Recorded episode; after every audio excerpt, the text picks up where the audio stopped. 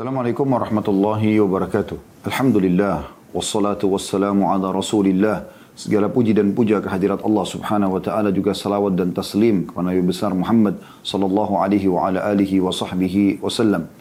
Semoga kita mengikuti acara ini live ataupun siaran ulang dipanjangkan umurnya di atas ketaatan Allah subhanahu wa ta'ala, keimanan dan keislaman dan meninggal di atas keislaman dan keimanan tersebut. Dan semoga yang belum mendapatkan hidayah diberikan hidayah oleh Allah subhanahu wa ta'ala. Semoga seluruh amal yang pernah kita kerjakan diterima oleh Allah Subhanahu wa taala, juga yang sudah kita kerjakan atau yang sedang kita kerjakan dan juga yang akan kita kerjakan semuanya diterima dengan pahala yang sempurna serta semoga seluruh dosa-dosa kita dimaafkan oleh Allah Subhanahu wa taala dan diganti dengan kemampuannya menjadi pahala. Dan semoga juga Allah Subhanahu wa taala mengangkat corona dari Indonesia secara khusus dan dari seluruh dunia secara umum dan Allah kembalikan kehidupan normal seperti awal dan semoga kita bisa mengambil pelajaran dari peringatan Allah Subhanahu wa taala ini sehingga kita lebih mendekatkan diri kepadanya kepada Allah Subhanahu wa taala dan juga uh, kita berharap agar Allah Subhanahu wa taala memberikan hidayah para pemimpin negara kita agar mereka semuanya mendapatkan petunjuk dan juga Allah Subhanahu wa taala pandu mereka kepada apa yang Allah ridhoi dan Allah jauhkan dari apa yang Allah murkahi. Dan siapa pun menginginkan keburukan bagi Islam, bagi muslimin, bagi Indonesia secara khusus, maka Allah kembalikan tipu daya mereka kepada diri mereka sendiri. Allahumma amin. Saudaraku siman, kita akan melanjutkan dua bab terakhir ya dari buku yang sudah kita bahas. Subhanallah berjalan dan masya Allah beberapa waktu ya cukup lama ya, yaitu kiat-kiat hijrah dari kemaksiatan dan istiqomah dalam ketaatan dan dua bab terakhir ini yaitu bab tentang jangan celah orang lain karena perbuatan dosanya. Ini akan kita bahas pada kesempatan ini. Dan insya Allah pada kesempatan akan datang kita akan tutup buku ini dengan judul terakhirnya yaitu antara maksiatan dan masalah. Baik saudara kusiman. Dalam bahasan kita pada kesempatan ini jangan celah orang lain karena perbuatan dosanya. Ini poin yang sangat penting yang harus diperhatikan yang telah disinggung dalam dalil-dalil syariat Allah Subhanahu wa taala cukup banyak nanti akan kita bacakan bagaimana seseorang kalau sudah istiqomah dan berada di atas keimanan jangan pernah dia sombong dengan amal yang sudah dia kerjakan. Dan bagaimana dia berusaha untuk menjaga amal baik tersebut istiqomah dengan keikhlasan. Karena kalau tidak diikuti dengan keikhlasan tidak akan diterima oleh sang pencipta Allah Subhanahu wa taala. Karena Nabi SAW telah bersabda, Inna Allah la yakbalu amalan illa ma kana khalisan wajhi. Sesungguhnya Allah tidak akan pernah menerima amal kecuali yang ikhlas karenanya. Jadi ini adalah syarat mutlak. Dan bagaimana para ulama mengatakan syarat diterimanya amal ada dua. Al-ikhlas, ikhlas kepada Allah subhanahu wa ta'ala. Tidak pernah berharap pujian dan juga uh, berbangga-bangga depan makhluk. Serta mutaba'ah atau mengikuti Nabi Muhammad SAW sehingga tidak beribadah kecuali seperti apa yang dicontohkan oleh Nabi SAW dan meninggalkan semua apa yang tidak dicontohkan oleh beliau SAW karena agama ini sudah disempurnakan oleh Allah Subhanahu Wa Taala. Nah tentu sebuah kenikmatan bahkan sebuah uh, karamah kemuliaan yang Allah berikan kepada para wali-walinya kalau kita bisa istiqamah di atas ketaatan. Kita selalu berusaha untuk mendekatkan diri kepada Allah Subhanahu wa taala. Berada di koridor yang Allah ridhoi. Ya, dan berusaha semaksimal mungkin menjauhi apa yang Allah murkahi gitu kan. Dan kalau seseorang dikurniakan oleh Allah Subhanahu wa taala seperti ini, dia bisa istiqomah di salat lima waktunya, tutup auratnya, pendapatan halalnya, eh, pergaulan dan seterusnya, semuanya ini dalam keadaan baik, maka semoga Allah Subhanahu wa taala eh, memberi itu memberikan isyarat kepada dia tentang dia berada dalam kebaikan. Dan bila seseorang terus-menerus dalam kekafirannya, ya kekufuran, kemunafikan, ya pelanggaran-pelanggaran agama ataupun kelalaian, maka itu berarti juga Allah ya sedang menjauh dari dia. Oleh karena itu teman-teman kita harus hati-hati. Hanya saja ada satu poin yang sedang disinggung oleh penulis di sini, yaitu kalaupun kita sudah coba istiqamah di jalan agama Allah Subhanahu wa taala ini, selain kita jaga keikhlasan, maka ada poin penting, yaitu bagaimana kita tidak mencelah orang lain yang sedang melakukan pelanggaran. Walaupun dia sedang salah. Tapi kita tidak mencelahnya. Karena dengan mencelah dia atau menganggap remeh misalnya mengatakan, oh kau itu ahli maksiat, oh kau itu orang begini dan begitu. Maka ini berarti kita mengolok-olok orang tersebut yang mungkin belum sampai padanya hujah. atau belum sampai padanya argumentasi, belum sampai padanya dalil, sehingga dia belum tahu.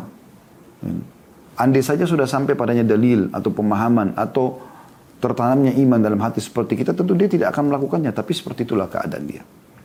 Ada satu statement dari Umar bin Khattab yang menarik. Radiyallahu anhu beliau mengatakan, saya khawatir kalau seandainya ada seorang wanita yang hamil lewat di depan saya lalu saya mengatakan, ih perutnya besar ya, maka Allah membuat perut saya pun hamil. Apa maknanya? Maknanya adalah jangan olok-olok orang. Jangan olok-olok orang. Pelanggaran yang sedang terjadi pada orang lain, itu justru ajang pahala buat kita yang tidak melakukannya. Kan begitu. Kita bisa menasihati dia, kita bisa mendoakan dia. Karena kalau semua orang sudah baik, lalu siapa yang akan Anda nasihatin? Anda mau dapat pahala dari mana? Tapi dengan adanya orang yang masih lalai, orang yang masih melakukan pelanggaran, maka kita terbuka atau terbuka bagi kita peluang untuk meraih pahala. Orang belum sholat kita nasihat untuk sholat misalnya, lalu kemudian dia sholat, maka kita panen pahalanya kan begitu. Jadi orang yang sedang berbuat kemaksiatan bukan untuk dimusuhi, tapi untuk dirangkul, untuk kita raih dia, raih tangannya, jama tangannya supaya dia bisa selamat dari uh, kelalaian tersebut. Ya. Dan memang Allah Subhanahu Wa Taala memberikan kepada kita sebuah pesan penting dalam Al-Quran. A'udhu billahi minasyaitan rajim. Udu'u ila sabi rabbika bil hikmati wal maw'idatil hasana wa jadilu billatihi ahsan. Ya. Kata Allah subhanahu wa ta'ala, berdakwalah kau hai Muhammad. Dengan cara hikmah. Di jalan Tuhan ini dengan cara hikmah. Apa itu hikmah? Meletakkan sesuatu, sesuatu pada tempatnya. Misalnya mengajak bicara orang sesuai dengan kadar akal dia. Tidak mungkin kita bicara dengan anak-anak, kita samakan dengan remaja, kita samakan dengan orang dewasa. Tidak mungkin kita berbicara dengan orang yang punya jabatan, dengan orang yang biasa. Tidak mungkin. Pasti berbeda. Ya. Dengan hikmah. Dan mau idah hasanah. Berikan peringatan-peringatan yang baik. Sebelum ancaman neraka, kita sebutkan dulu keutamaan ibadah itu. Ya. Misalnya orang tidak sholat. Kita nasihatin dulu dia dengan menyampaikan keutamaan sholat. Misalnya hadis Nabi SAW Bagaimana kata Nabi SAW kepada para sahabat Ridwanullah alaihim. Bagaimana kalau di depan rumah seseorang dan terkait ada sungai mengalir dengan sangat deras. Lalu dia mandi sehari lima kali. Apakah akan tertinggal kotoran di tubuhnya? Kata para sahabat tentu tidak ya Rasulullah. Kata Nabi SAW, begitu pula dengan lima waktu sholat. Dia membersihkan seseorang muslim dari dosa-dosa dia. Gitu kan. Berarti kan ada ada motivasi di sini, ada motivator yang sangat kuat yang membuat orang oh ternyata dosa saya dimaafkan gitu kan. Kemudian juga hadis Nabi SAW awal amal yang dihisap hari kiamat adalah sholat. Kalau dia baik maka beruntunglah orang itu. Kalau dia buruk maka ya uh, rugilah dia gitu kan. Dan kalau ada yang kurang dari sholat wajibnya maka Allah berfirman kepada para malaikat carilah sholat-sholat sunnahnya kemudian lengkapkanlah sholat wajibnya itu. Kan begitu. Berarti kan ada motivasi ya. Ada sesuatu yang didapatkan gitu. Eh, dan kalau sholat ini baik dalam timbangan amal hari kiamat, maka akan membantu amal-amal yang lain. Oleh karena itu saya sarankan para ikhwah muslimin laki-laki, jangan pernah tinggalkan masjid. Pergi ke masjid sholat. Kejar sah pertama. Kejar sholat sunnah qobliyah antara azan dan iqamah. Kejar eh, doa mustajab antara azan dan iqamah. Kejar sholat ba'diyah. Zikir habis sholat. Semua itu kemuliaan. Dan itu tidak mengambil waktu. Kecuali cuma 10-20 menit saja. Gitu kan. Lapor absen kepada Allah subhanahu wa ta'ala. Ada kesempatan orang miskin, sedekah, bantu orang. Nasihatin orang yang salah, gitu kan. Jenguk orang yang sakit. Ya. Berbakti dan silaturahim dengan keluarga. Dan seterusnya. Bagi anda yang Allah karunia suami, bakti sama suami anda. Berikan yang terbaik, kejar surga dari dia. Bagi anda diberikan istri, kejar surga dari istri dengan menyiapkan fasilitasnya, dengan memberikan kasih sayang dan seterusnya. Bagi anda yang punya anak, berbuat baik sama anak tersebut. Bagaimana kita bisa meraih surga dari anak tersebut? Anda punya sahabat, berbuat baik dengan dia. Anda punya bawahan, Anda punya atasan. Bisa kita berbuat baik dengan semua orang. Dan kita bisa meraih kalau kita niatkan karena Allah, semua itu menjadi ajang pahala yang sangat besar. Ya. Sampai dalam hadis Nabi SAW beliau bersabda, sesungguhnya amal yang termasuk amal yang paling Allah cintai adalah memasukkan kegembiraan dalam hati seorang muslim. Bagaimana kita bisa menghibur dia, membuat dia senang, berikan hadiah, uh, hibur dia dengan nasihat-nasihat, dengan sebuah kisah yang menarik misalnya. Ya, ini adalah hal yang boleh kita lakukan selama memang dalam bab-bab yang mubah ya. Maka ini teman-teman sekalian. Oleh karena itu, kita ingin titik beratkan jangan pernah mencelah kesalahan orang lain. Ya. Walaupun dia sudah sangat luar biasa kejahatannya. Kita boleh nasihatin dia. Tapi kita jangan mencela perbuatan. Karena jangan sampai nanti justru kembali kepada kita perbuatan tersebut. Ya, hati-hati. Coba kita dengarkan apa yang ditulis oleh penulis. Menarik sekali. Kata penulis di sini, jangan celah orang lain karena perbuatan dosanya. Seorang muslim mencintai Allah yang maha mulia dan maha tinggi dan seluruh amal yang dicintai olehnya. Jadi kita mencintai Allah dan mencintai semua amal yang Allah perintahkan. Misalnya sholat, misalnya sedekah, misalnya puasa, misalnya ibadah-ibadah seluruhnya. Serta dia membenci kemaksiatan kepada Allah dan orang yang melakukannya. Ya. Dan di sini kalau kita benci orang yang bermaksiat, kita benci perbuatannya, bukan fisiknya ya. Dia memiliki perasaan yang halus dan jiwa yang pencemburu, tidak pencemburu terhadap pelanggaran agama maksudnya. Bukan cemburu buta ya. Karena banyak orang salah paham dengan cemburu. Dianggap dalam rumah tangga, boleh orang cemburu buta. Terserah, pokoknya uh, saya cemburu saja. Enggak, bukan. Kalau terjadi pelanggaran, dikhawatirkan terjadi pelanggaran agama atau terjadi pelanggaran, baru kita tunjukkan kecemburuan tersebut. Kemudian tidak bersikap toleran kepada orang yang berani melanggar larangan-larangan Allah Subhanahu wa taala. Artinya jangan toleransi dengan orang yang terus mengajak ya ataupun menjadi penyebab ya atau menyiapkan fasilitas kemaksiatan. Sebab cinta karena Allah dan benci karenanya adalah tali iman yang paling kokoh ya. Jadi iman itu tetap selalu, selalu ada dengan cara begini mencintai apa yang Allah perintahkan dan juga membenci apa yang Allah benci. Barang siapa kehilangan hal itu, hendaknya dia mengintrospeksi dirinya dan memeriksa keimanannya. Tetapi ada kalanya dia berlebihan dalam hal itu, yang semestinya dia cukup membenci kemaksiatan dan pelakunya.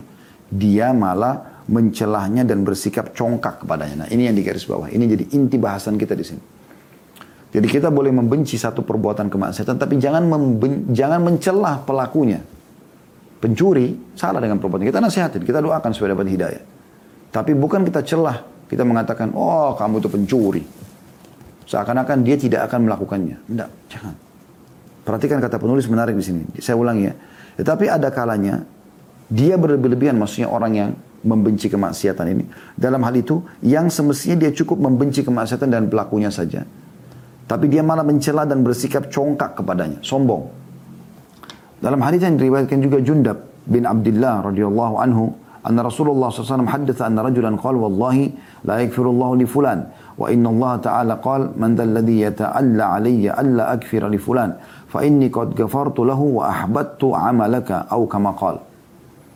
Artinya, Rasulullah SAW bercerita bahwasanya seseorang berkata demi Allah Allah tidak akan mengampuni si fulan. Lalu Allah Ta'ala, Allah yang maha tinggi berfirman, siapa yang berani bersumpah atas namaku bahwa aku tidak akan mengampuni si fulan. Sesungguhnya aku telah mengampuninya dan Allah dan aku telah menghapus amalmu. Atau sebagaimana yang beliau SAW sabdakan.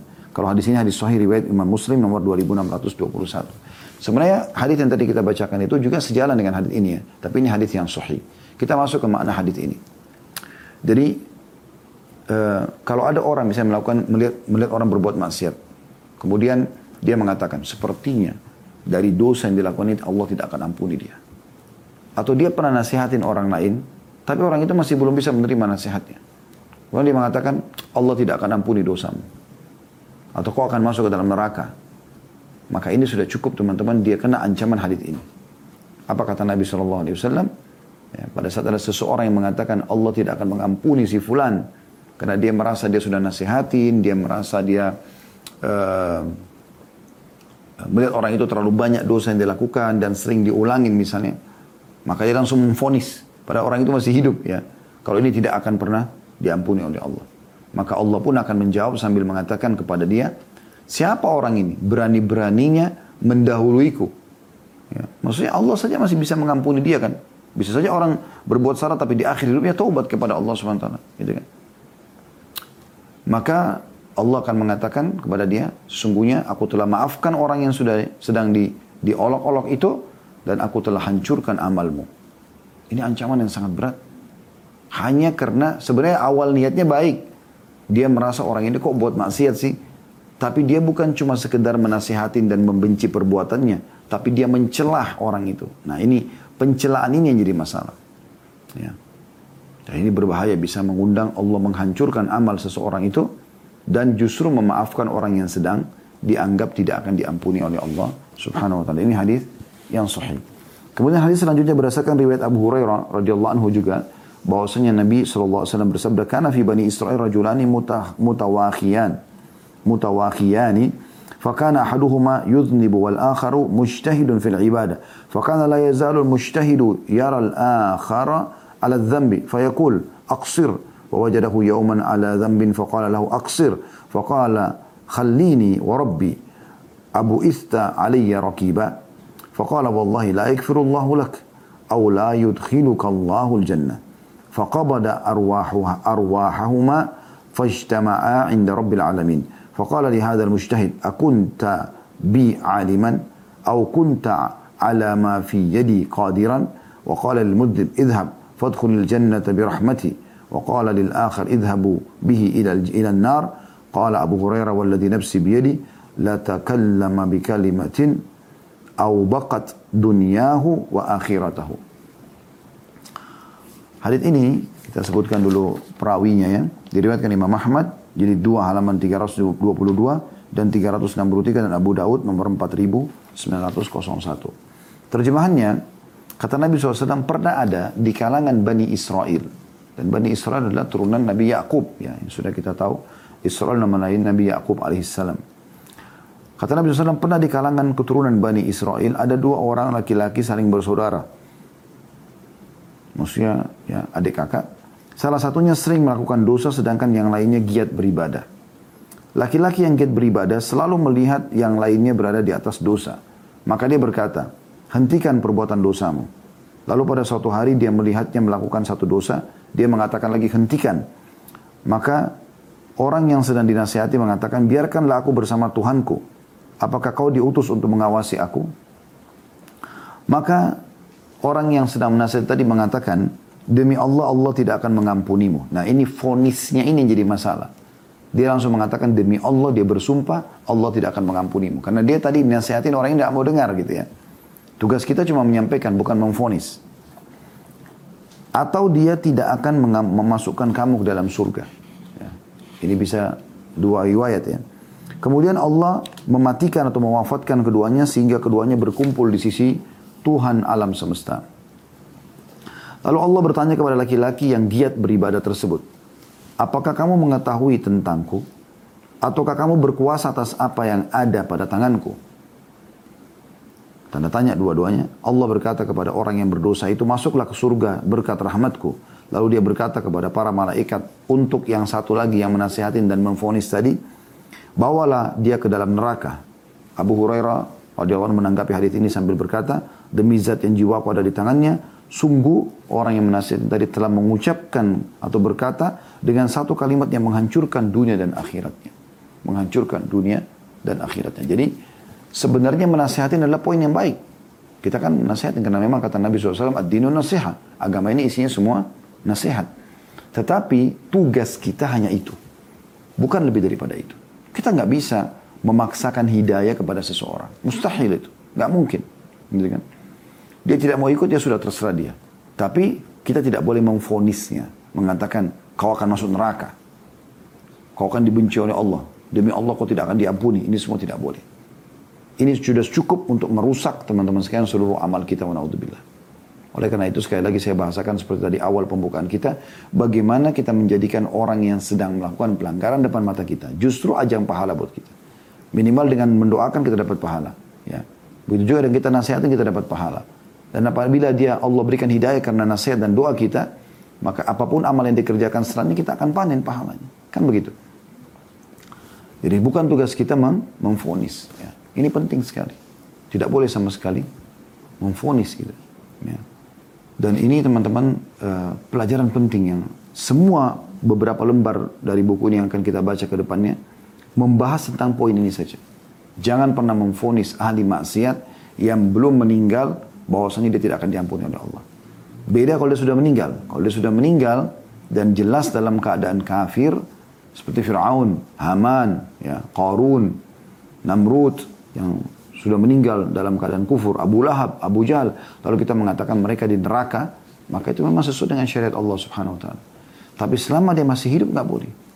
Termasuk juga kalau ada muslim yang meninggal bermaksiat tidak boleh kita langsung fonis dia akan masuk neraka.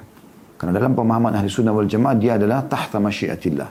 Di bawah naungan Allah. Dalam sebuah hadis kata Nabi SAW, insya'a ghafaralah wa insya'a adzabah.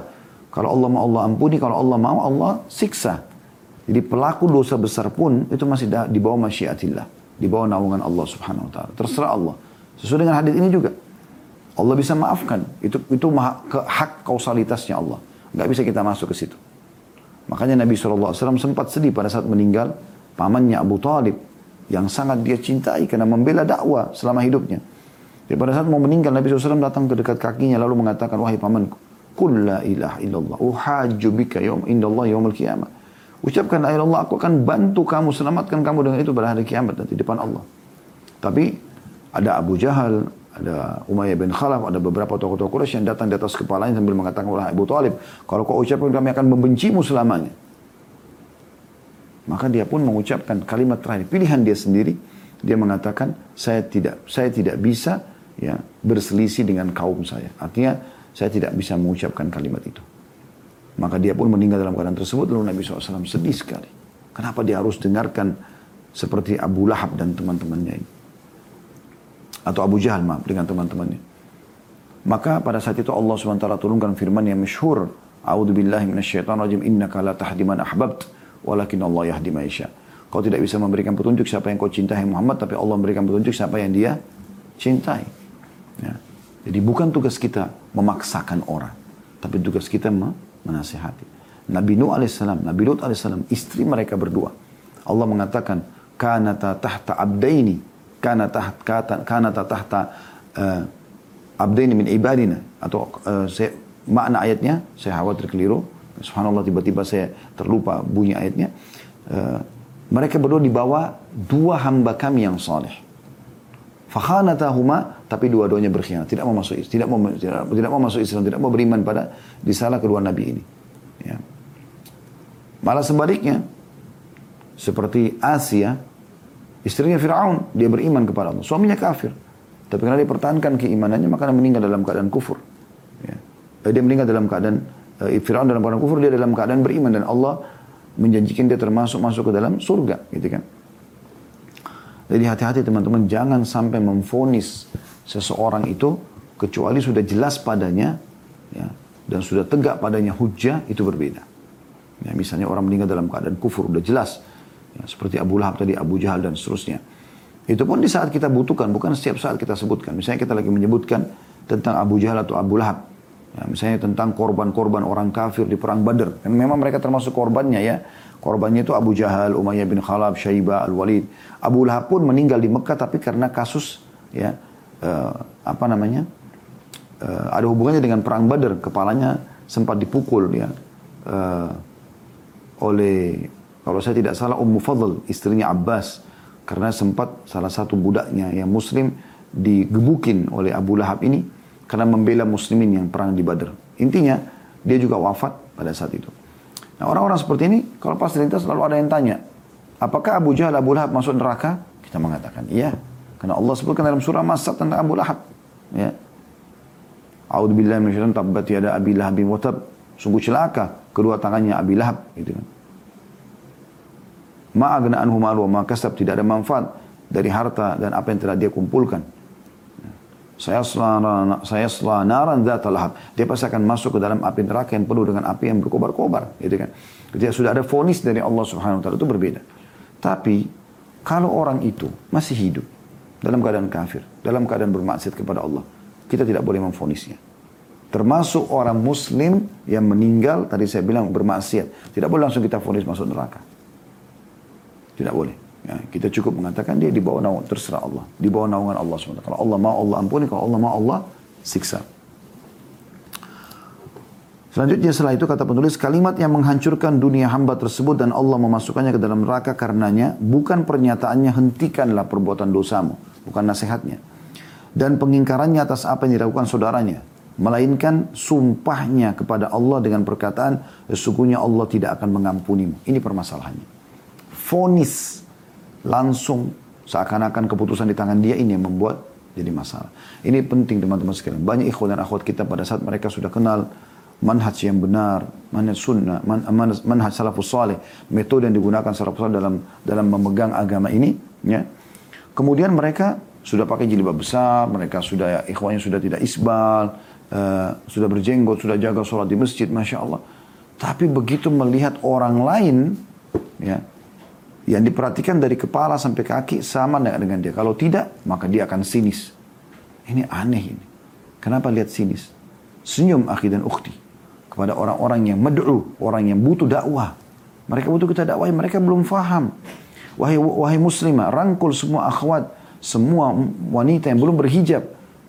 Ramah dengan mereka, rangkul mereka supaya mereka tersentuh hatinya, mau berhijab. Bagaimana beberapa anak muda di Amerika, muslimah, saya lihat cuplikannya di YouTube ada eksperimen tentang menggunakan jilbab. Subhanallah, mereka aja orang kafir, wanita kafir berjilbab. Lalu perempuan tersebut terharu lalu menangis. Dia merasa kayak terlindung dalam sebuah benteng yang kuat dengan kain jilbab itu. Kan gitu. Itu yang harus dilakukan dirangkul. Siapa pun dia, selama dia masih pelanggaran agama, kita jadikan sebagai mad'u kita. Doakan, kita jadikan sebagai ajang pahala. Hari ini kita dakwai masih belum bisa. Besok kita dakwai lagi. Lusa kita dakwai. Sampai memang sudah terputus jalan untuk mendakwahi dia. Misalnya dia meninggal dalam keadaan kafir. Itu lain. Ya. Meninggal dalam keadaan kemaksiatan kita sudah tidak bisa lagi meluruskan. Sudah. Jadi kita jadikan itu kesempatan untuk ajang pahala kita. Ibnu Mas'ud radhiyallahu anhu berkata, "Idza ra'aitum akhakum qarafa dhanban fala takunu a'wanan lisyaitani alaihi." تقول اللهم أخزه اللهم العنه ولكن سلوا الله العافية. فإن أصحاب محمد كنا لا نقول في أحد شيئا حتى نعلم على ما يموت. فإن ختم له بخير علمنا أنه قد أصاب خيرا. وإن ختم له بشر خفنا عليه عمله. Kata Abdullah bin Mas'ud sahabat Nabi berkata, Jika kalian melihat saudara kalian berbuat satu dosa, jangan kalian menjadi penolong syaitan terhadapnya dengan mengatakan, Ya Allah hinakan dia, Ya Allah laknati dia. Tetapi mintalah kepada Allah keselamatan. Semoga Allah berikan hidayah, semoga Allah selamatkan saya dari keburukannya, gitu kan. Tapi jangan minta Allah hinakan dia. Ya, semoga Allah maafkan kalau kita pernah mengucapkan kata-kata ini ya. Nah, kadang-kadang kan kita jengkel orang utang nggak bayar, orang pernah gibah kita, fitnah kita. Ya.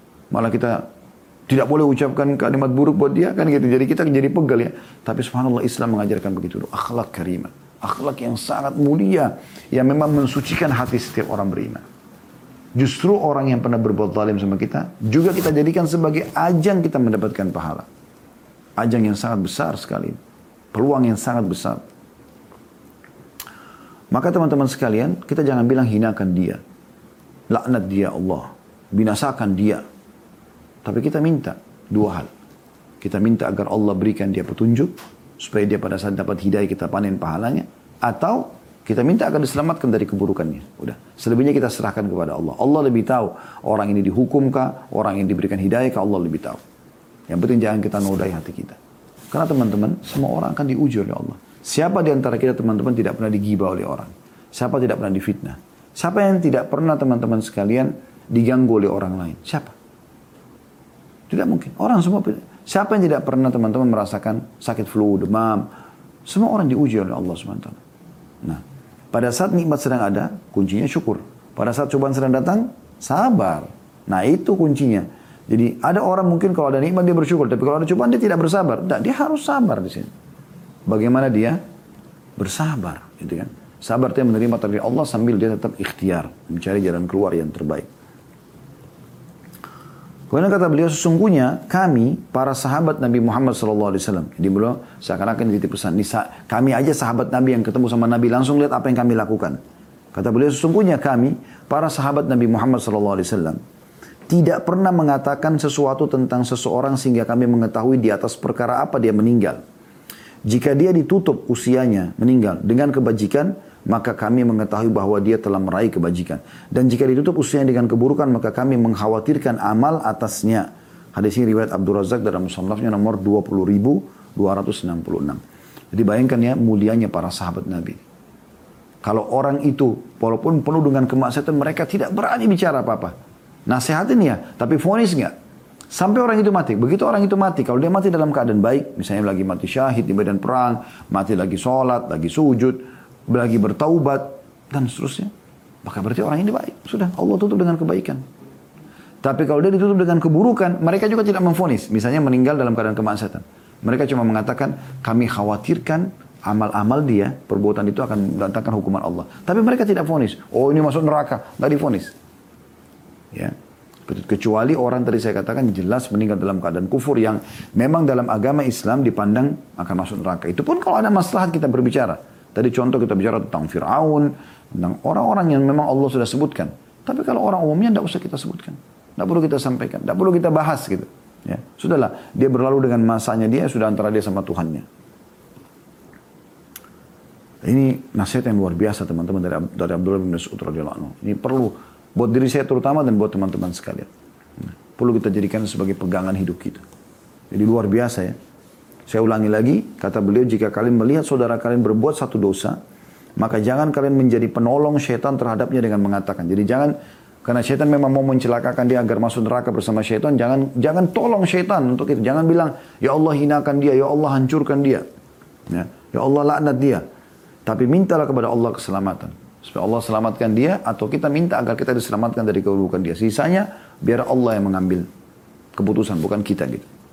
Sesungguhnya kami para sahabat Nabi Muhammad SAW tidak pernah mengatakan sesuatu tentang seseorang sehingga kami mengetahui di atas perkara apa dia meninggal dunia. Jika dia ditutup usianya dengan kebajikan, maka kami mengetahui bahwa dia termasuk telah meraih kebajikan. Dan jika dia ditutup usianya dengan keburukan, maka kami mengkhawatirkan amal atasnya. Jadi bukan langsung difonis di neraka. Walaupun meninggal dalam keadaan kemaksiatan. Gitu.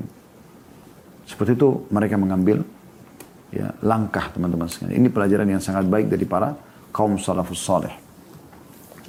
Kemudian dalam riwayat lain juga diangkat oleh penulis marra Abu Darda'i ala rajulin qad asaba dhanban fakanu yasubbunahu faqala ra'aytum law wajadtumuhu fi qalibin alam takunu mustakhrijihi qalu bala qala fala tasubbu akhakum واحمدوا الله الذي عافاكم قالوا أفلا تبغضه أفلا تبغضه maaf saya ulangi. Afala tabghuduhu. Ya, tabghaduhu. Qala innama abghadu amalahu. Fa idza tarakahu fa huwa akhi. Qala wa qala Abu Darda ud'u Allah fi yawmin sarra'ik. Fi yawmi sarra'ika la'allahu an yastajiba fi yawmin darra'ik. Artinya, Abu Darda pernah melewati seseorang yang telah melakukan suatu dosa. Maka orang-orang memakinya. Oh ini pelaku maksiat dan segala macam. Lalu Abu Darda bertanya, apakah pendapat kalian? Ya, sekiranya kalian mendapatnya dalam sumur, jatuh. Bukankah kalian akan mengeluarkannya? Kalau seandainya orang yang kalian sedang caci maki nih, lagi jatuh, tidak buat dosa, tapi lagi jatuh di sumur. Apa yang kalian lakukan? Kalian akan keluarkan tidak? Bantu atau biarkan dia tenggelam? Mereka menjawab benar, kami akan bantu dia keluar. Maka kata Abu Darda, karena itu janganlah kalian memakai saudara kalian dan pujilah Allah yang telah menyelamatkan kalian. Ya. Kalau gitu selamatkan dia. Dan puji Allah Alhamdulillah kita tidak terjerumus dalam perbuatan yang sama. Begitu. Mereka bertanya, apakah anda tidak membencinya? Maka dia menjawab, aku hanya membenci amal perbuatannya. Bukan fisiknya. Dosa yang sedang dilakukan itu yang kita benci. Gitu kan. Jika dia meninggalkannya maka dia adalah saudaraku. Abu Darda radhiyallahu mengatakan berdoalah kepada Allah pada saat kamu bergembira, semoga dia mengabulkanmu pada saat kamu sedang menderita. Artinya justru sekarang saatnya kalian lagi selamat dari segala dosa berdoa agar Allah selamatkan supaya jangan terjerumus dalam kesalahan. Hadis ini diriwayatkan oleh uh, Abdul Razak sama dalam musannafnya di nomor 20.267 dan diriwayatkan juga oleh Abu Nuaim dari jalur Abdul Razak jadi satu halaman 225. Ini nasihat yang luar biasa teman-teman. Perhatikan Abu Darda, saya ulangi sekali lagi. Bagaimana beliau mengatakan, per, atau Abu Darda pernah melewati seseorang yang telah melakukan satu dosa, maka orang-orang memakinya. Lalu Abu Darda berkata, apa pendapat kalian sekiranya kalian mendapatinya dalam sumur? Apa Bukankah kalian akan mengeluarkannya? Mereka menjawab benar. Lalu dia mengatakan, karena itu janganlah kalian memaki saudara kalian dan pujilah Allah yang telah menyelamatkan kalian. Mereka bertanya, apakah anda tidak membencinya? Lalu kata Abu Darda radhiyallahu anhu, aku hanya membenci amal perbuatannya. Jika dia meninggalkannya, maka dia adalah saudaraku. Lalu Abu Darda mengatakan, berdoalah kepada Allah pada saat kamu lagi gembira, maksudnya lagi sehat, lagi tidak bermaksiat. Semoga dia mengabulkan pada saat kamu sedang menderita. Baik teman-teman sekalian, kita kembali lagi melanjutkan bahasan kita. Jangan celah orang yang berbuat dosa di hadapan Anda, tapi nasihatin dia dan doakan. Serta bagaimana nasihat Abdullah bin Mas'ud dan Abu Darda radhiyallahu anhu tadi sangat luar biasa. Nasihat ini perlu selalu kita ulang-ulangin teman-teman sekalian.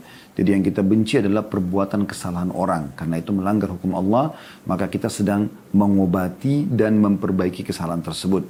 Agar memang kita bisa meraih pahala dan dia juga mendapatkan keselamatan seperti itu. Dan jangan pernah memfonis apalagi mengolok-olok orang yang sedang melakukan kesalahan dan merasa diri bahwasanya lebih hebat, lebih pintar, sombong dengan ilmu, sombong dengan ibadah, ya. Menganggap remeh orang lain. Bisa saja orang itu satu waktu Allah balik keadaannya jauh lebih mulia daripada Anda, jauh lebih berilmu daripada Anda, jauh lebih beribadah kepada Anda, jauh lebih uh, khusyuk daripada Anda, jauh lebih banyak sedekahnya daripada Anda, jauh dan segala macam karena memang Allah subhanahu wa ta'ala qadir. Allah mampu melakukan itu semuanya. Kita lanjutkan teman-teman sekalian setelah riwayat Abu Darda radhiyallahu tadi, kata penulis dengan demikian maka apa yang dilakukan oleh sebagian pemuda yaitu mengkritik seseorang bahwa dia terjerumus dalam kemaksiatan dan melakukan ini dan itu tidak bisa dipastikan bahwa itu adalah kecemburuan yang terpuji, bahkan bisa merupakan bentuk celaan. Artinya, bisa saja ada orang, oh, kamu gak boleh buat ini, kamu gak boleh buat itu. Itu nasihat. Itu bisa saja karena kecemburuan. Tapi kita lihat endingnya, terakhirnya seperti apa. Mungkin ternyata terakhir dia mengatakan kayaknya kau tidak akan diampuni. Kayaknya kamu akan masuk neraka. Nah ini kayaknya kau tidak akan masuk surga. Ini yang jadi masalah ini. Ini sudah cukup untuk menghancurkan seluruh amal si pemberi nasihat tadi. Sebagaimana riwayat sudah kita bacakan. Ini bahaya sekali. Jadi tugas kita hanya menyampaikan nasihat. Hidayah di tangan Allah. Kita nggak bisa buat apa-apa. Seperti saya sekarang ceramah, saya cuma bisa menyampaikan kepada Bapak Ibu sekarang, Bapak Ibu, ikutin tidak ikutin itu adalah hak Anda. Dan itu juga kuasa Allah bagaimana menanamkan dalam hati Anda supaya Anda ikut.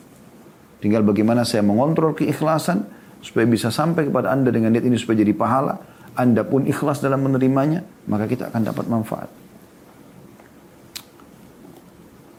Yang paling utama kata penulis, bagi seorang muslim ialah sibuk dengan dirinya sendiri dan takut terhadap dosa-dosanya. Bukan berarti membengkalikan kemungkaran ya. Kalau ada kemungkaran dia nasihatin, dia luruskan.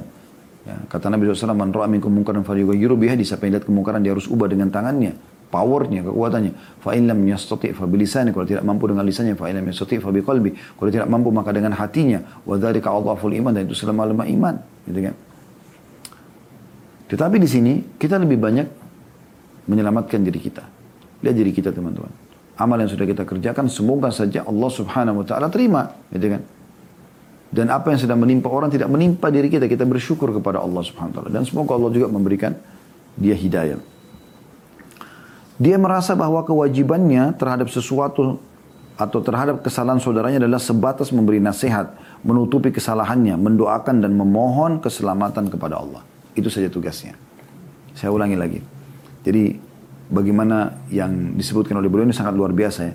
Yang paling utama bagi seorang muslim ialah sibuk dengan dirinya sendiri dan takut terhadap dosa-dosanya. Dia sendiri banyak dosanya. Dia merasa bahwa kewajibannya terhadap kesalahan saudaranya adalah sebatas memberi nasihat, menutupi kesalahannya, bukan menyebarluaskan aib itu, mendoakan dan memohon keselamatan kepada Allah agar kita tidak terjerumus pada dosa yang sama. Perbuatan ini, kata beliau, adalah bukti sikap melampaui batas dari pelakunya dalam hal rasa percayanya terhadap dirinya sendiri dan menganggap bersih dirinya. Kalau orang tetap melakukan pelanggaran ini, ya dia fonis orang lain, ini adalah perbuatan yang membuktikan sikap dia dalam melampaui batas, ya, dalam percaya terhadap dirinya sendiri dan menganggap bersih dirinya. Padahal terpedaya adalah salah satu pintu kebinasaan dan salah satu tanda seorang hamba merasa tidak butuh kepada pertolongan Tuhannya. Dan ini adalah sebab seseorang dikuasai kepada dirinya sendiri. Betapa jauhnya orang ini dengan jalan yang ditempuh oleh orang-orang yang paling mengenal Allah. Yang salah satunya mengucapkan, ini perkataan Nabi Nuh AS. A'udhu billahi minasyaitan dalam surah Hud ayat 47. Wa illa takfirli wa tarhamni akum minal khasirin. Dan sekiranya engkau tidak memberi ampun kepadaku dan tidak menaruh belas kasihan kepadaku, niscaya aku termasuk orang-orang yang merugi. Ini Nabi yang mengatakan mohon masih tetap mohon sama Allah agar dimaafkan. Nabi. Gitu. Bagaimana Nabi Yusuf alaihissalam berkata dalam surah Yusuf ayat 33. Padahal dia seorang Nabi. Tapi dia tidak percaya diri dengan itu. Dia coba minta tetap perlindungan kepada Allah subhanahu wa ta'ala. A'udhu billahi minasyaitanir wa illa tasrif anni kaidahunna asbu ilaihinna wa aku minal jahilin. Dan jika engkau tidak menghindarkan diriku dari tipu daya mereka, maksudnya para wanita-wanita yang menyukai dia hampir seluruh wilayah Mesir pada saat itu suka dengan Nabi Yusuf alaihissalam. Ya, terutama yang diundang oleh si ratu yang datang ke istananya. Ya, karena si ratu ingin mengajak Nabi Yusuf untuk berbuat zina.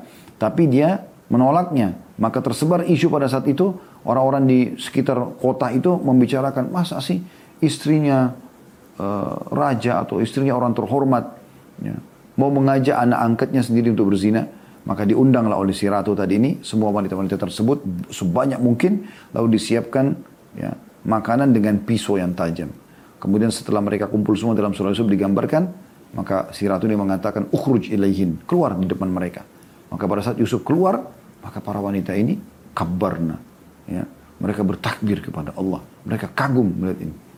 Ya, mereka menganggap ini seperti malaikat. Ya, sampai saking tampannya Nabi Yusuf alaihissalam sampai mereka memotong jari mereka dengan pisau mereka tidak sadar. Faqatta'na aydiyahun. Tidak mungkin ada orang laki-laki setampan apa pun sekarang kemudian dia lewat lalu ada perempuan potong tangannya tanpa sadar itu nggak mungkin gitu. Tapi ini subhanallah terjadi. Lalu kemudian mereka semua pada berlumba-lumba ingin menggoda Yusuf alaihissalam. Maka Nabi Yusuf memohon kepada Allah. Dia tidak percaya diri. Dia tidak mengatakan, oh saya pasti mampu. Enggak. Dia bilang, jika engkau ya Allah tidak menghindarkan diriku dari tipu daya mereka. Semua wanita ini mau sama dia. Tentu akan ada kecenderungan untuk memenuhi keinginan mereka dan tentulah aku termasuk orang-orang yang bodoh. Bagaimana merendahnya para nabi-nabi Allah ini. Demikian pula dengan Nabi Ibrahim alaihissalam ketika berkata kepada Tuhannya setelah menghancurkan berhala-berhala dan dia menanggung resikonya. Ya. Jadi dihancurkan berhala-berhala semua karena dia yakin ini salah. Kok nyembah berhala sih? Kok nyembah patung? Dihancurkan sama Nabi Ibrahim AS. Coba kalau kita di posisi dia. Mungkin kita akan berpikir, ah saya tidak akan sembah berhala. Karena percaya diri. Apa yang pada Nabi Ibrahim AS tidak seperti itu. Allah gambarkan dalam surah Ibrahim ayat 35. Nabi Ibrahim sedang menghancurkan berhala masih berkatakan, Wajnubni wa baniya an na'budal asnam. Dan wahai Tuhanku, jauhkanlah aku beserta anak cucuku dari penyembah berhala-berhala. Padahal beliau tahu berhala itu adalah sesembahan selain Allah. Bahkan beliau sudah hancurkan dengan tangannya sendiri. Sampai akhirnya menyebabkan mamrut membakar beliau dan akhirnya selamat, selamat juga. Diselamatkan oleh Allah SWT. Tapi beliau tetap masih memohon kepada Allah diselamatkan dari itu. Jadi kalau dosa yang pernah kita lakukan, jangan kita sombong. Oh dulu saya pernah lakukan, tapi sekarang saya sudah tobat. Tidak. Bukan begitu, saudaraku. Tapi anda mengatakan, Ya Allah, tetap selamatkan aku dari dosa itu supaya aku jangan ulangi. Seperti itulah. Begitu pula dengan Nabi Muhammad sallallahu alaihi wasallam. Di antara doa beliau adalah Allahumma rahmataka arju fala takinni ila nafsi tarfata ain wa aslih li sya'ni kullahu la ilaha illa anta. Ya Allah, rahmatmu lah yang aku harapkan. Karena itu janganlah engkau kuasakan aku kepada diriku sekejap pun. Jangan sampai aku ikuti diriku, karena kalau diriku ini bisa salah. Maka perbaikilah keadaanku seluruhnya. Tiada Tuhan yang berhak disembah kecuali engkau. Hadis ini diriwayatkan Ahmad jilid 5 halaman 42 dan Abu Daud nomor 5090. Bayangkan bagaimana Nabi Muhammad SAW masih minta perlindungan kepada Allah. Padahal beliau seorang Nabi. Dan otomatis dipandu oleh Allah SWT. Beliau tetap mengatakan, Ya Allah, aslih li sya'ni kullah. Perbaiki semua keadaanku. Wala takilni ila nafsi tarfatain. Dan jangan sampai aku mengambil keputusan sekejap pun. Biarkan Allah yang ambil keputusan. Ya. Kemudian beliau menutup Ya, paragrafnya sambil mengatakan celaanmu kepada saudaramu berarti congkak dengan ketaatan. Kalau kita celah orang berbuat dosa, berarti kita congkak dengan kita ketaatan kita. Merasa diri bersih, memuji diri dan mengklaim bebas dari dosa. Sedangkan saudaramu menyadari sedangkan saudaramu menyadari dosanya dan mungkin dia menyesali dosanya serta apa yang terjadi padanya berupa ketundukan, menghinakan diri dan membebaskan diri dari penyakit e, merasa bersih dari dosa, sombong dan bangga diri. Berdirinya di hadapan Allah dengan kepala tertunduk. Mungkin orang satu waktu nanti akhirnya berdiri dan tunduk kepada Allah. Ada orang berbuat dosa teman-teman tapi hatinya dipenuhi dengan penyesalan kepada Allah SWT. Takut kepada Allah. Itu mana kita tahu isi hatinya? Mungkin orang cuma menghakimi secara zahir, mungkin belum tidak seperti itu. Pandangan yang khusyuk. Satu waktu Allah buat dia taubat, lalu dia khusyuk kepada Allah, tunduk. Dan hati yang menangis itu lebih bermanfaat baginya dan lebih baik daripada kecongkakanmu dalam ketaatan, menganggap banyak ketaatanmu, menghitung-hitungnya, merasa berjasa kepada Allah dan makhluknya dalam dengan hal itu. Padahal teman-teman sekalian, ingat ya, banyak orang berbangga dengan amalnya, padahal amal itu dia yang butuh. Allah nggak butuh dengan amalnya. Saya udah 30 tahun sholat. Terus apa yang kamu dapatkan dengan itu? Berbangga dengan itu untuk apa? Nah kau yang butuh dengan amal itu. Allah SWT tidak pernah butuh. Kenapa teman-teman banyak orang sholat tapi tidak khusyuk? Kenapa ada orang mengaji tapi buru-buru, berzikir buru-buru? Karena mereka menganggap ya store kewajiban kepada Allah. Seakan-akan dia tidak butuh. Keliru. Dia butuh dengan amal itu. Allah nggak butuh. Kita kalau diberi umur pun seribu tahun dan kita selalu beribadah kepada Allah, Allah nggak butuh dengan amal itu, saudaraku. Kamu yang butuh dengan amalmu. Lalu kata beliau betapa dekatnya orang yang bermaksiat terhadap rahmat dari rahmat Allah dan betapa dekatnya orang yang menunjuk-nunjukkan ketaatan itu dalam dari kemurkaan Allah. Orang yang maksiat kepada Allah tapi mau bertobat sangat dekat dengan rahmat Allah. Dan orang yang punya amal soleh tapi bercongkak, bangga-bangga, sombong dengan amalnya maka sangat dekat dengan murkanya Allah. Satu dosa yang kamu merasa hina karenanya di hadapan Allah itu lebih dicintai daripada ketaatan yang kamu tunjuk-tunjuk di hadapannya, di hadapan Allah. Pada malam hari kau tidur dalam kurung tidak melakukan qiyamul lail dan pada pagi harinya kamu menyesal. Itu lebih baik daripada pada malam ini pada malam hari kamu melakukan qiyamul lail dan pada pagi hari kamu membangga-banggakan diri. Ya, ini dinukil dari statement Ibnu Qayyim rahimahullah dalam kitab Madarijus Salikin jadi satu halaman 197. Dan kita akan insya Allah masuk pertemuan akan di bab terakhir antara kemaksiatan dan masalah sebagai penutup dalam buku ini insya Allah. Maka saya ingin tutup dengan kisah yang pernah kami sampaikan tapi kami ingatkan kembali. Kisah tentang Sultan Murad, ya, salah satu sultan di Uthmaniyah dulu, dinukil kisahnya. Ini ayahnya Sultan Muhammad Fatih. Dia termasuk orang yang suka uh, keliling di tengah-tengah masyarakatnya untuk mencari tahu uh, apakah ada informasi yang dia butuh perbaikin ya, dari uh, keputusan-keputusan dia misalnya atau ada masyarakat yang butuh bantuan tapi dia tidak jangkau tidak sampai ke istananya maka dia sering keluar dengan menggunakan baju biasa di malam hari. Satu hari dia keluar sama sekretarisnya uh, kemudian dia pergi ya. Keluar dengan baju biasa orang tidak mengenal dia. Kemudian dia jalan sampai di tengah-tengah jalan kota Istanbul sampai dia melihat ada satu orang memegang botol khamr dua minuman keras, kemudian terpeleset di depan Sultan ya, Murad ini kemudian mati. Pada saat mati, jatuh, orang-orang cuma lihat lalu orang-orang tinggalkan. Dan sekitar situ. Maka Sultan Murad ini bingung. Lalu dia menanya, mengatakan pada orang, wahai muslimin, ini orang jatuh.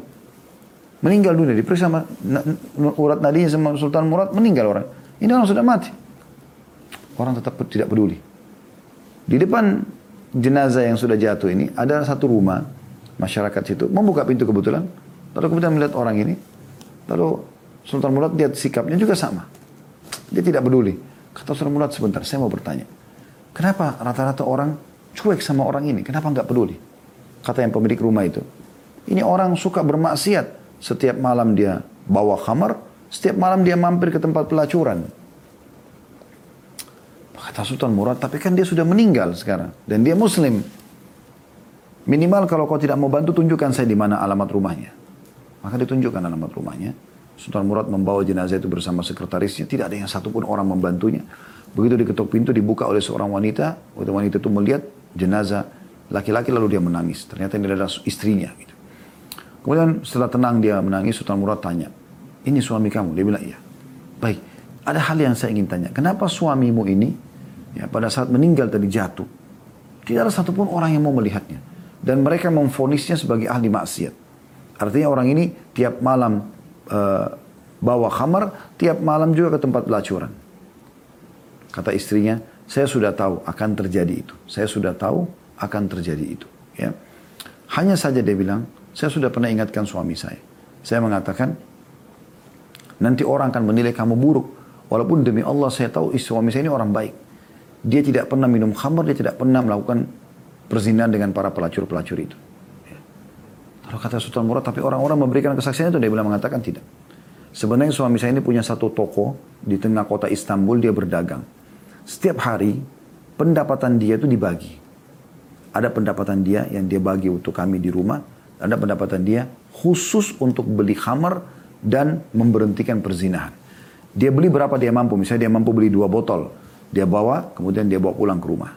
Dan saya saksikan sendiri di rumah selalu dibuang di kamar kecil. Ya, kalau kita di toilet ya, Dibuanglah khamar tersebut. Lalu dia mengatakan setelah keluar dari toilet tersebut, segala puji bagi Allah yang telah memberhentikan muslimin minimal dengan dua botol ini dari khamar. Itu upaya dia gitu. Ya. Dan juga dia uh, sisa uangnya yang lain dia masuk ke tempat pelacuran lalu dia negosiasi sama pemilik tempat di situ atau se seorang pelacur dia mengatakan berapa biaya uh, pelacuran malam ini. Misalnya sekian. Maka dia bilang ini saya bayar semalaman maka tutup tempat ini. Gitu. Maka terus kemudian dia mengatakan segala puji bagi Allah yang telah membuat saya memberhentikan malam ini minimal beberapa anak muda muslim dari perzinahan. Hari kemudian kata uh, ibu itu dia bilang, lalu suami saya jawab pada saat saya bilang, tapi kan orang tidak tahu. Orang pikir kau pemabuk, kau pezina. Dia mengatakan Allah tahu. Dan kalaupun saya meninggal dalam kondisi seperti ini, maka saya yakin nanti Allah akan mendatangkan kepada saya sultan dan juga para ulama-ulama akan mensolati jenazah saya. Maka Sultan Murad menangis sambil mengatakan benar yang dikatakan oleh suamimu. Ya, sungguh benar yang dikatakan oleh suamimu. Saya adalah Sultan Murad dan ini sekretaris saya. Saya akan hadirkan semua ulama di Turki ya pada saat itu untuk mensolati dia. Maka jangan pernah memfonis orang, teman-teman. Kita tidak pernah tahu. Kita tidak pernah tahu. Kita nasihatin iya. Kita urusan kesalahannya iya. Tapi memfonis orang maka ini sesuatu yang dilarang dalam agama kita. Allahu.